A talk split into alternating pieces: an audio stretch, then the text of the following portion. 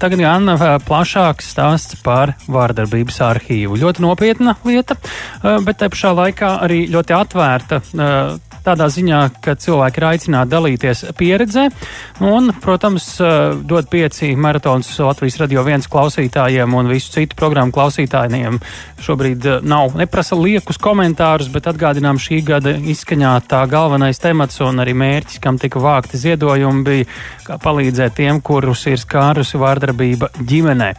Un viena no tiem, kuri bija partneri dod pieci labdarības maratonā, bija Rebā Baltika autori ar savu rakstu sēriju par vardarbību ģimenē. Tieši tāpēc mēs arī uh, par šiem stāstiem, ko sūta cilvēki vai sūtījuši līdz šim ir cilvēki un kādu atbalstu šis maratons ir devis. Sāko, sākām sarunu ar Baltiku žurnālistu, vienu no maratona vēstnesēm Ilzi Vēberi. Un, lūk, ko tad viņi saka, kas tad ir tās, tā atbalsts, kas šobrīd redzam vai dzirdam sabiedrībā pēc labdarības maratona dod pieci? Nu, man šķiet, ka tā lielā atbalsta ir tā, ka gan liela daļa sabiedrības, gan arī iestādes ir sapratušas, ka vardarbība ģimenē ir reāla problēma mūsu sabiedrībā un ka tā nav noliedzama un nav noklusējama. Un tas ir, varbūt pat atvieglotu arī nākotnē mūsu darbu, ja mēs turpinātu strādāt pie šī, šīs rakstu sērijas, jo tagad iestādēs varbūt tie likuma projekti, kas pat labam ir varbūt iesākti, bet vēl nav pabeigti, ātrāk tiks uz priekšu un uh, nebūs vairs mēnešiem vai pat gadiem ilgi jāklauvēs pie durvīm un jāaicina, kad tad pieņemsiet to, kad tad pieņemsiet šo. Savukārt par sabiedrības attieksmi runājot, kad Rebaltika sāka par šo tematu rakstīt pirms vairākiem gadiem, viedokļi izskanēja, ka tā jau nav problēma pie mums, ka par to nav jāraksta, ka ir vēl nozīmīgākas problēmas, par ko stāstīt. Bet uh, dot pieci parādīja, ka tā ir tomēr problēma, un arī daudz dzirdētie stāsti pierādīja, ka tas ir ļoti izplatīti un daudzšķaitnaini, un uh, ka par to ir jārunā, un tas ir svarīgi. Kas tad ir tā aktivitāte, kādu jūs tieši sabiedrībā jūtat? Mazāk varbūt institucionāli, vairāk tieši caur šiem stāstiem. Kas ir mainījies, ko jūs jūtat no cilvēkiem vai lasāt tā jāsaka? Man šķiet, ka cilvēki ir arī saņēmuši drosmi par to runāt. Jo iepriekš mums bija ļoti grūti atrast runātājus vai galvenos varoņus mūsu rakstiem, jo cilvēkiem gluži vienkārši bija kauns vai nērts par to runāt, bet arī pēc dot pieci mēs esam saņēmuši arī cilvēku vēstules, kur ir pat gatavi paši pēc savas iniciatīvas ar mums runāt un dalīties savos stāstos. Tas ir kaut kas tāds, kas iepriekš nebija tik bieži pamanāms. Man šķiet, ka dod pieci deva šo impulsu, ka par to var runāt un par to vajag par to runāt, un ka tu neesi viens tāds pats, kas ir kaut ko tam līdzīgu piedzīvojis. Un jā, šī drošības izjūta, ka runājot, ka varbūt paliek labāk, ja ir kāds ar ko padalīties. Un no šodienas tad cilvēki tiek aicināti par savu pieredzi rakstīt ne tikai uh, dot pieci kontekstā vai ne tikai uz uh, Rebaltika. Jūs kolēģi Sanita Jemberga ir sacījusi arī, ka nu, tam nebūtu jāpaliek tikai pie žurnālistiem un tam ir, tā teikt, jānogulst arhīvā pētniekiem un cita veida izmantošanai. Kāpēc? Man šķiet, ka šis arhīvs pildīs to funkciju ne tikai tādā izpratnē, ka pētniekiem būs uz ko palūkoties un kā papētīt šo vardarbības vēsturi Latvijā, bet tā būs arī iespēja cilvēkiem, kuri vēlas padalīties ar šo stāstu, bet varbūt negrib runāt ar žurnālistiem vai publiniekiem, bet ka būs tā iespēja, kur izstāstīt drošā vietā atstāt piemiņai to piedzīvoto, jo šī vēstule, par ko Sanita arī stāstīja, arī parādīja to, ka cilvēks pēc daudziem gadiem, kad ir piedzīvojis vardarbību, joprojām to smagi pārdzīvo un tās ir dziļas rētas atstātas viņa mūžā.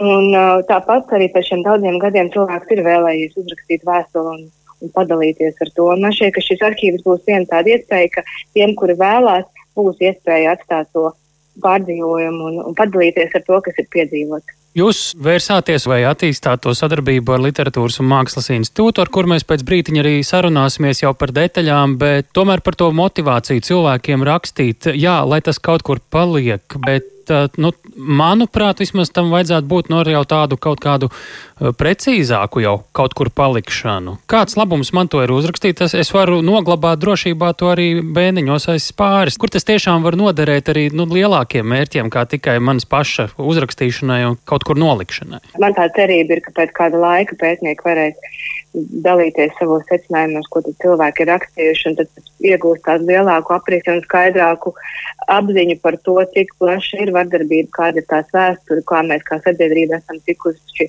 tai cauri vai vēl tiekam cauri. Un tas būs reāls pamats, uz ko strādāt arī nākotnē, jo tas nebūs vienkārši daži cilvēku stāsti, bet reāls stāstu apkopojums, ar ko darbojušies pētnieki Un tam ir jau diezgan pamatīgāks pamats un, un bāze, ar ko strādāt uh, nākotnē. Nu, lūk, tā uh, Ilza Vēbera, Rebaltika žurnāliste, viena no labdarības maratona dod pieci vēstnesēm, bet tagad pie mūsu klausulas ir jau pieminētā Latvijas Universitātes literatūras, folkloras un mākslas institūta vadošā pētniece Sanita Reinsone. Labdien! Labdien! Kas ir tas, kā jūs redzat savu lomu šajā sadarbībā, kur cilvēkiem ir stāsti par nopietniem vardarbības ģimenē gadījumiem, kurus tagad viņi tiek aicināti sūtīt jums? Ko jūs darīsiet? Kā tas notiks? Um, mēs, Literatūras folkloras mākslas institūts, jau vairākus gadus veidojam autobiogrāfiju krājumu, kur glabājas jau daudz personīgu pieredžu, gan dienas grāmatu formā, gan vēstuļu, gan atmiņu un dzīves stāstu. Un, protams, vardarbības tēma tur nav sveša. Tā ir aizvien, uh, bet uh, fokus varbūt nav tikai uz to, protams. Um, līdz ar to man likās. Uh, ļoti iederīgi, ka uh, mēs uh, sadarbojamies un turpinam šo te dod pieci un arī Rebaltikas aizsākto tēmu par vardarbības pieredžu stāstīšanu, atklāšanu, izstāstīšanu un piedāvājam platformu, kur tos saglabāt. Proti, uh, autobiogrāfija krājumā, kā viena no kolekcijām, tiek veidot šīs te vardarbības arhīvs, kur ik viens, jebkurā laikā var iesniegt to, ko ir pieredzējis, to, ko ir redzējis un ar ko vēlas dalīties. Ko nozīmē ik viens, jebkurā laikā? Nu, tur droši vien nu, varētu nepietikt ar uh, divām rindiņām. Nu, es, es pieļauju, varbūt pietiek. Uh, ka, nu, redz, es, uh, man bija tāds gadījums. Uh, Nu, un, nu, ar savu esmu padalījies. Kas tiek sagaidīts tur? Cik plaša ir tā amplitūda šo biogrāfisko vēstījumu? Jā, uh, nu, attiecībā uz tādiem personas datiem nu, mēs uh, neva, nevēlamies vēl neko daudz tādu pamatu informāciju, kas ir uh, stāstītājs, kurā gadā uh, viņa vai viņš ir dzīves un par kādu laika periodu ir šis stāsts. Tas ir vajadzīgs nu, kā tādā pētniecībā, lai mēs varētu tiešām uh, datēt un, un dokumentēt. To būtu vēlams norādīt. Stāstību. To būtu vēlams, tas nav obligāti, bet to būtu vēlams. Un papildus tam uh, mēs piedāvājam arī atzīmēt kartē, uh, kurā vietā šīs atgadījums, par ko ir stāsts, ir noticis, nu, aptuveni iezīmēt, vai arī veidotos karte, laika skala un karte. Bet attiecībā uz stāstu, nu, godīgi sakot, ir grūti šobrīd paredzēt, kāds tie būs. Šis ir savā ziņā eksperiments. Uh, es pieņemu, ka cilvēkiem nepietiks uzrakstīt ar divām rindiņām, vienkārši izstāstot atgadījumu, bet to šiem būs mēģinājumi atklāt šīs gan emocijas, gan, nu, jā, uzrakstīt to, kas, ko ir grūti izstāstīt. Nu, skatīsimies. Respektīvi, nav jāraksta nekāda zinātniski, tur arhīvam domāti ne. fakti, vai kas ir jāstāsta savs stāsts vienkārši. Ja? Savs stāsts. Tieši tā.